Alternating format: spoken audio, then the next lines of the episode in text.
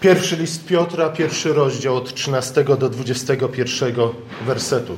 Przed chwilą słyszeliśmy ten fragment. Piotr zwraca się do tych, którzy, jak pisze, zostali uwolnieni od bezużytecznego postępowania przekazanego przez ojców. Ponieważ zostali uwolnieni od tego bezuży bezużytecznego postępowania, Piotr nazywa ich dziećmi Boga, które powinny postępować tak, jak postępuje ich ojciec. Cytuję słowa z Księgi Wyjścia: Świętymi bądźcie, bo ja jestem święty, mówi Bóg. A zatem wyzwolenie, skutkujące usynowieniem, ma prowadzić do nowego, odmiennego niż dotychczasowy stylu bycia. Piotr jednak wskazuje nie tylko na przeszłość, mówi nie tylko o tym, kim byli adresaci listu, co się w ich wydarzy życiu wydarzyło, kiedy Bóg ich usynowił, ale także wskazuje na przyszłość, na przyszłe życie, a mianowicie to, kim mają się stać. Motywacją dla tego postępowania w bojaźni, jak Piotr je określa, ma być nie tylko wykupienie, czy też odkupienie, którego już doświadczyli, ale również nadzieja chwały, przyszłej chwały. Odkupienie dokonało się nie tylko po to, aby zostali uwolnieni od swojego dotychczasowego, bezużytecznego postępowania, ale przede wszystkim po to, aby żyli nowym życiem, aby stawali się coraz bardziej podobni do Ojca. Piotr nie ma wątpliwości co do tego, oczywiście, że ktokolwiek sam z siebie może być z jednej strony, czy to uwolniony od swojego wcześniejszego bezużytecznego postępowania, czy też że ktoś sam z siebie jest zdolny do tego, aby dojrzewać w świętości, aby być święty tak jak Bóg. Jedno i drugie jest możliwe z jednej strony dzięki ofierze Chrystusa, ale z drugiej strony dzięki życiu zmartwychwstałego Chrystusa, z którym jesteśmy związani, z którego czerpiemy soki, którym karmi się nasza dusza. Więcej na ten temat dzisiaj na katechezie, więc zachęcam do pozostania, ze względu na to, że ten temat wiąże się z tym, o czym aktualnie mówimy, a mianowicie z wieczerzą pańską. Ale o tym później. Punktem wyjścia do wywodu Piotra jest właśnie odkupienie, które dokonało się przez bezcenną krew Chrystusa. O tej krwi jeszcze będzie mowa. Pamiętajcie o niej. To odkupienie dokonało się zgodnie z odwiecznym planem Boga. To również Piotr podkreśla nie tylko tu, ale i w innych miejscach swoich listów. Z kolei to odkupienie i ten plan Boga objawia nam naturę Boga, zatem to kim Bóg jest i jaki On jest. On jest nie tylko suwerennym Panem całej historii, co znaczy, że nic w historii nie dzieje się poza Jego kontrolą, ale On jest również kochającym ojcem swoich dzieci, a Chrystus z kolei jest kochającym bratem dzieci Bożych. Innymi słowy, Bóg jest wierny i Bóg jest łaskawy. O czym jakże często wspominają psalmiści. Psalmiści, którzy wspominają o tych sprawach, kiedy przechodzą, czy też po tym, jak przechodzili przez doświadczenia, które, przed którymi stają, stoją adresaci listu Piotra. Chrystus przelał za nas swoją bezcenną krew. Za nas, którzy zaufaliśmy Ewangelii. To znaczy, że plan Boży dotyczy nas i ma na celu nasze zbawienie. Bóg nie jest tutaj jakimś wielkim generałem, Żukowem na przykład, nie? który rozminowywał pola minowe, po prostu posyłając nadwyżkę swoich żołnierzy. I w ten sposób zaoszczędzał czasu, ale na pewno nie ludzi. Bóg nie jest takim generałem. Nie w ten sposób rozwija się jego plan. Nie jest on tym planistą, dla którego liczy się tylko i wyłącznie efekt końcowy. Zaś życie poszczególnych żołnierzy, czy też tych, którzy wykonują ten plan, nie ma dla niego znaczenia. Wręcz przeciwnie, ostateczne zwycięstwo, czy też ostateczna realizacja tego planu nie miałoby nie miałaby absolutnie żadnego znaczenia i sensu, gdyby nie mogli się nią cieszyć wszyscy, którzy biorą udział w realizacji tego planu. Dlatego Chrystus opowiedział nam między innymi przypowieść o dobrym pasterzu, który udaje się nawet za tą jedną, jedyną zgubioną owcą. Każde dziecko Boże leży Bogu na sercu, który z kolei prowadzi je każdego dnia. Bóg dba o szczegóły i o życia każdego z nas, każdego, kto nosi imię Chrystusa. Jezus mówi, każdy włos na naszych głowach jest policzony. Jeśli żaden wróbel nie spada z nieba na ziemię bez wiedzy Bożej, tak żeby cokolwiek nam mogłoby się, mogło się przytrafić bez Jego wiedzy. Dlatego w księdze Zachariasza Bóg stwierdza kategorycznie, kto was dotyka, dotyka źrenicy mojego oka. O kim mówi tu prorok? O tych, którzy należą do ludu Bożego, do ludu przymierza, o tych, z którymi Bóg związał się odwiecznym przymierzem. Tym bardziej dotyczy to nas, którzy jesteśmy uczestnikami nowego przymierza, przypieczętowanego właśnie tą bezcenną krwią Chrystusa. Piotr uważa, że świadomość tego faktu jest istotna dla chrześcijan, a także dla ich uświęcenia. W wersecie 14 mówi o wcześniejszej nieświadomości, czy też o naszej ignorancji, w której żyliśmy do tej pory. Przy czym ta ignorancja oznaczała nie tylko, a może nawet nie przede wszystkim, brak informacji. I, pa, I Piotr, i Paweł, i inni autorzy Pisma Świętego mówią, że brak informacji nie jest tak naprawdę głównym problemem człowieka. Głównym problemem jest fałszywe zrozumienie tej informacji, która do nas dociera. Innymi słowy, fałszywe zrozumienie tego, kim i jaki Bóg jest czyli Jego natury, Jego charakteru, tego w jaki sposób On odnosi się do każdego z tych, którzy noszą Jego imię.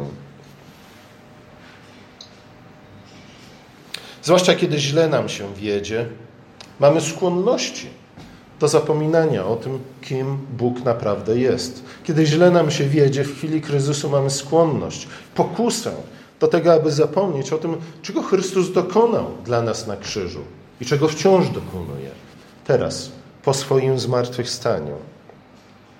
Czasami nam się wydaje, że Bóg od nas, o nas zapomniał, czasami wydaje nam się, że Bóg jest z daleka od nas, czasami wydaje nam się, że On milczy i nie chce do nas przemawiać, a czasami wręcz wydaje nam się, że jest po prostu na nas wściekły.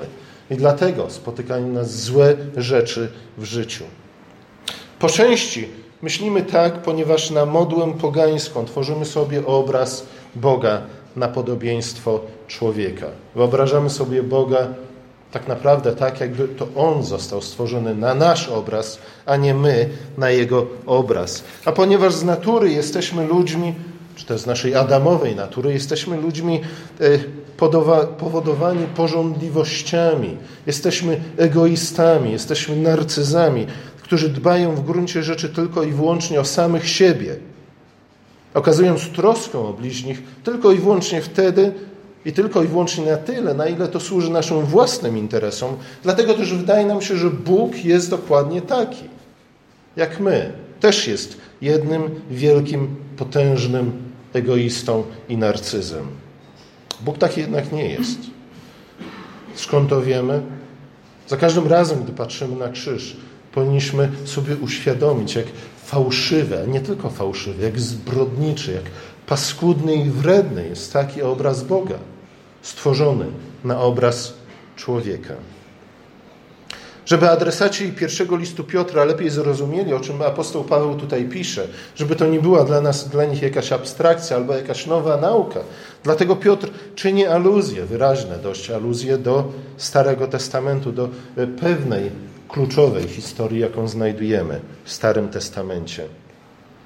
Najwyraźniej, przynajmniej większość z tych, do których Piotr się zwraca, to albo poganie, którzy nie za bardzo znają Stary Testament, tak jak w dzisiejszych czasach większość chrześcijan nie za bardzo zna Stary Testament. Wielu z nich w ogóle nawet nie przeczytała Starego Testamentu, nie? a cały czas narzekają, Panie Boże, dlaczego do mnie nie przemawiasz? A Pan Bóg mówi, przemówiłem. Czytaj, przeczytaj list, który ci wysłałem.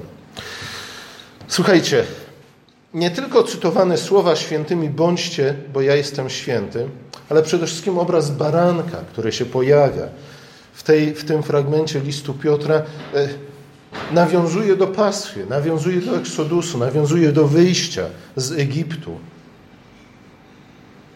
Przez analogię, w związku z tym, Piotr chce nam powiedzieć, że tym, czym była dla Hebrajczyków niewola egipska, zresztą zasłużona jak najbardziej, ze względu na to, że to w Egipcie Pan, to sam Bóg zaprowadził ich do Egiptu, dał im ziemię Goszem, która była jak ziemia, jak ogród pański, jak ogród Eden. Oni jednak odwrócili się od Boga i zaczęli oddawać cześć egipskim bogom. Stąd też wzięła się ich niewola. Ale właśnie tym, czy była niewola egipska dla Hebrajczyków, tym dla adresatów listu, a także dla nas, którzy przyszliśmy do Chrystusa spośród pogan, był ich wcześniejszy styl życia, który Piotr nazywa bezużytecznym postępowaniem przekazanym nam przez ojców. Tak jak, więc jak Bóg wyzwolił Hebrajczyków z Egiptu, nie tylko z niewoli, ale przede wszystkim z bałwochwalstwa, bo to bałwochwalstwo było tak naprawdę i przyczyną, i istotą tego zniewolenia. Wcześniej w Egipcie im się bardzo dobrze żyło i powodziło, a w którymś momencie odstąpili od Boga i sprawy się zmieniły. Podobnie też Bóg wyzwolił chrześcijan z grzesznego stylu życia, cechującego się przede wszystkim właśnie pożądaniem, czyli egoizmem. Jak Bóg po wyzwoleniu Hebrajczyków zawarł z nimi przymierze, nadał im prawo i swoje ustawy i wezwał do czystego życia, a także obiecał wprowadzić ich do ziemi obiecanej, tak w przypadku chrześcijan Bóg powołał ich do nowego życia cechującego się przede wszystkim nadzieją, świętością i bojaźnią. Może powinniśmy powiedzieć w innej kolejności bojaźnią, nadzieją i świętością. Bojaźń odnosi się tu przede wszystkim do reakcji na wyzwolenie, jakiego doświadczyliśmy.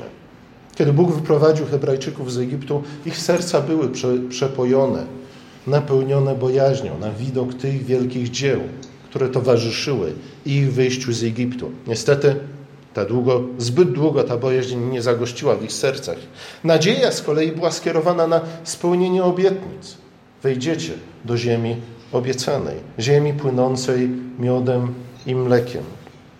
Z kolei świętość w gruncie rzeczy oznacza powrót do pierwotnego powołania, jakie człowiek otrzymał od Boga, gdy Bóg go stworzył na swój obraz i na swoje podobieństwo. I właśnie ta świętość jest tym, co wypełnia nasze życie. Pomiędzy tą bojaźnią, którą, które nasze serca, którą nasze serca powinny zostać wypełnione w odpowiedzi na odkupienie, które otrzymaliśmy w Chrystusie, a spełnieniem obietnic, czyli spełnieniem naszych nadziei. Nadziei na to, że któregoś dnia zamieszkamy w domu Ojca. Ta świętość, świętość powinna być tym, w czym wzrastamy pomiędzy naszym powołaniem a pełną realizacją naszego zbawienia. Jako dzieci Boże zrodzone do, na nowo do nadziei żywej, pisze Piotr, chrześcijanie mają być obrazem Boga, podobnie jak Adam miał być obrazem Boga, na którego obraz został stworzony. Miał wzrastać też na podobieństwo Boga. Mają tym samym swoim życiem składać dobre świadectwo o swoim Ojcu. Ta świętość nie jest jednak czymś, czego, co, co sami jesteśmy w stanie wyprodukować, ale jest darem, który otrzymaliśmy od Boga, kiedy nas usynowił. Już jesteśmy podobni do Boga, tak jak Adam był podobny do Boga w momencie, w chwili, kiedy Bóg go stworzył. To jest ten obraz, o którym mówimy, czy też o którym czytamy, ale wciąż mamy wzrastać na podobieństwo Ojca. Wciąż mamy się uświęcać. Wciąż mamy się stawać coraz bardziej podobni do Niego. I nawet tego nie jesteśmy w stanie uczynić o własnych siłach, ale tylko i wyłącznie dzięki darom Ojca. Dzięki temu, że zostaliśmy odkupieni w Chrystusie przez Jego śmierć, ale również dzięki temu, że jesteśmy teraz włączeni, zakorzenieni w Jego życie. W życie tego, który zmartwychwstał, który powstał, który pokonał grzech i śmierć. Jako Kościół jesteśmy ciałem Chrystusa. On jest naszą głową. Dlatego w Kościele przez Słowo, ale także przez Chleb i wino, przez ciało i krew Chrystusa cierpiemy z Niego, te siły życiowe, pozwalające nam właśnie wzrastać w uświęceniu, wzrastać na podobieństwo Chrystusa i Boga Ojca. Jesteśmy bowiem ciałem z Jego ciała i krwią z Jego kości. Nie bez powodu Paweł odnosi ten obraz, który po raz pierwszy widzimy przy okazji stworzenia Adama i Ewy. Nie bez powodu Paweł odnosi ten obraz właśnie do Kościoła. Tak jak Adam był zjednoczony z Ewą, tak jak Ewa wyszła z jego boku, została stworzona z jego boku, tak jak Ewa i Adam stworzyli jedno ciało. Jest to tajemnica małżeństwa. Podobnie Kościół i Chrystus tworzą jedno, jedno ciało. I to jest właśnie tajemnica naszej komunii z Chrystusem. Kiedy On już jest w swej, kim On już jest, jako wcielona druga osoba Trójcy Świętej, kim On już jest w swojej ludzkiej naturze, jako człowiek, tym my również będziemy w pełni, jeśli nie porzucimy nadziei naszej. Właśnie to porzucenie nadziei jest chyba największym problemem, z jakim się zmagamy w naszym życiu. Jan Chryzostom powiedział, nie tyle grzech jest główną przyczyną naszej niedoli, ale raczej zwątpienie. Ze zwątpieniem, a zatem z brakiem nadziei, tak naprawdę walczymy przez całe nasze życie i to zwątpienie jest głównym problemem i przeszkodą na naszej drodze ku uświęceniu, a zatem na naszej drodze ku temu, abyśmy stali się jako nowi ludzie, jako nowe stworzenia, tym, kim Chrystus już jest, zasiadając w niebie po prawicy Ojca. A zwątpienie pociąga nas ze, ze względu na to, że naśladowanie Chrystusa często nie jest ani łatwe, ani miłe, ani przyjemne. Piotr jest tego doskonale świadom. Dlatego przypomina adresatom swojego listu, że chwała Chrystusa została poprzedzona przez Jego cierpienie. Może powinniśmy lepiej powiedzieć, że to właśnie poprzez krzyż Chrystus doszedł do swojej chwały. Tak było w przypadku Chrystusa, ponieważ my jesteśmy zjednoczeni z Chrystusem, ponieważ jesteśmy Jego ciałem, to dotyczy również nas. Objawienie Chrystusa to przede wszystkim Jego krzyż, ale również Jego zmartwychwstanie. Jedno bez drugiego nie ma absolutnie żadnego sensu ani znaczenia. Ale właśnie ta sekwencja krzyż i zmartwychwstanie i w niebo wstąpienie pokazuje, że śmierć, że przez śmierć Chrystus pokonał śmierć, która od tego momentu nigdy już nie będzie ostatnim słowem w życiu dzieci Bożych. To nie znaczy, że ta śmierć na nas nie przyjdzie, ale znaczy, że śmierć nigdy już nie będzie ostatnim słowem w życiu dzieci Bożych. Cierpienia dzieci Bożych są zatem udziałem w cierpieniach Chrystusa. Wiem, że to brzmi strasznie podejrzanie w waszych uszach, ale tak jest nauczanie Nowego Testamentu. Oczywiście Paweł mówi o tym, że, że on poprzez swoje cierpienia uzupełnia cierpienia Chrystusa, czy raczej niedostatki cierpienia Chrystusa. Oczywiście nie w sensie e, odkupienia, nie w sensie zadośćuczynienia za nasze winy, nie w tym sensie, ale jednak w sensie walki ze starym stworzeniem, ze starą naturą, które są poddane grzechowi i władzy śmierci. Nowe stworzenie zawsze przychodzi przez bóle porodowe. Ale te bóle porodowe, właśnie ze względu na śmierć i zmartwychwstanie Chrystusa, ze względu na to, że jesteśmy wszczepieni nie tylko w Jego śmierć, ale też w Jego nowe, w Jego nowe życie, te bóle porodowe nigdy nie są ostatnim słowem, lecz prowadzą do niewypowiedzianej radości. Cierpienie jest w gruncie rzeczy ceną, jaką płacimy za podążanie za Chrystusem, ze względu na to, że podążanie za Chrystusem oznacza udział w walce z nadziemskimi władzami, ze zwierzchnościami, z władcami tego świata ciemności, ze złymi duchami w okręgach niebieskich. Często jednak zapominamy o tej duchowej rzeczywistości. Często zapominamy o tym wymiarze naszego życia, ze względu na to, że sprowadziliśmy chrześcijaństwo w gruncie rzeczy do moralistyki, w najlepszym przypadku do pedagogiki. Tak jakbyśmy poznając siebie i naszą naturę coraz lepiej, byli, byli tak jakbyśmy byli w stanie nie, uporządkować nasze życie bez tak naprawdę tego zastrzyku łaski Bożej, nie? tego udziału w życiu zmartwychwstałego Chrystusa, ale tylko i wyłącznie na drodze edukacji. To jest błąd, to jest stary grecki błąd. Grecy mieli wiele mądrego do powiedzenia, nawet ci, którzy za bardzo nie znali Biblii, e, ale to jest błąd, na który nie powinniśmy się nabrać. Nie ze względu na to, że naszym problemem, głównym problemem nie jest brak wiedzy, ale nasza zła wola, nasza porządliwość, stara natura.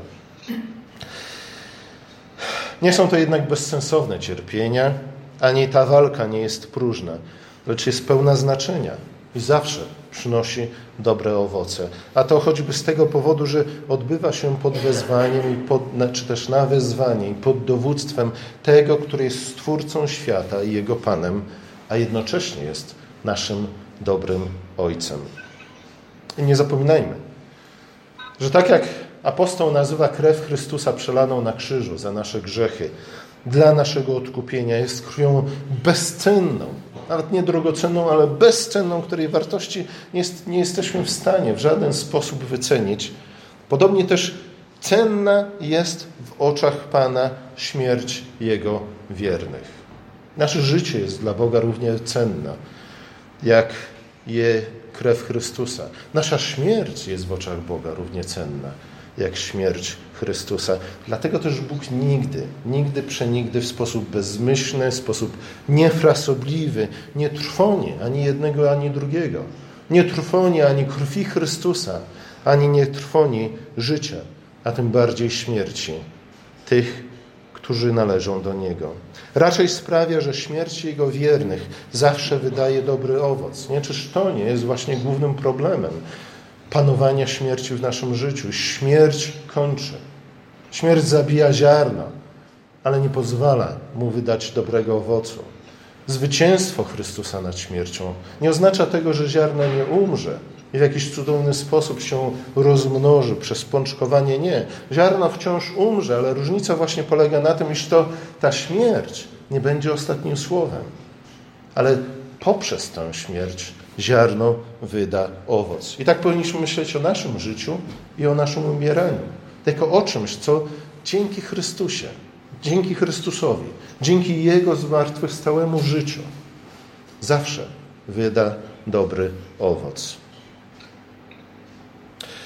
Kiedy przychodzi nam stoczyć walkę, czy to z bezużytecznym postępowaniem przekazanym nam przez naszych ojców, czy to z władcami świata ciemności, czy jakimkolwiek przeciwnikiem, to pamiętajmy zawsze, że nie są to żadne anomalia, które nam się przydarzają. Nie są to żadne zaburzenia w boskim planie zbawienia. Nie są to jakieś wypadki przy pracy albo nieprzyjemne skutki uboczne usynowienia, którego dostąpiliśmy. Nie są one też przesłanką do tego, abyśmy podważali łaskawość, wierność czy też moc Bożą. Są to raczej zawsze i za każdym razem sposobności, okazje do tego, abyśmy tym bardziej i tym mocniej utożsamili się z Chrystusem i naśladowali tego, naśladowali tego, który właśnie poprzez cierpienia nie tylko doszedł do chwały, ale przede wszystkim odkupił nas, wyprowadził nas z domu niewoli, wprowadził nas do domu Boga Ojca.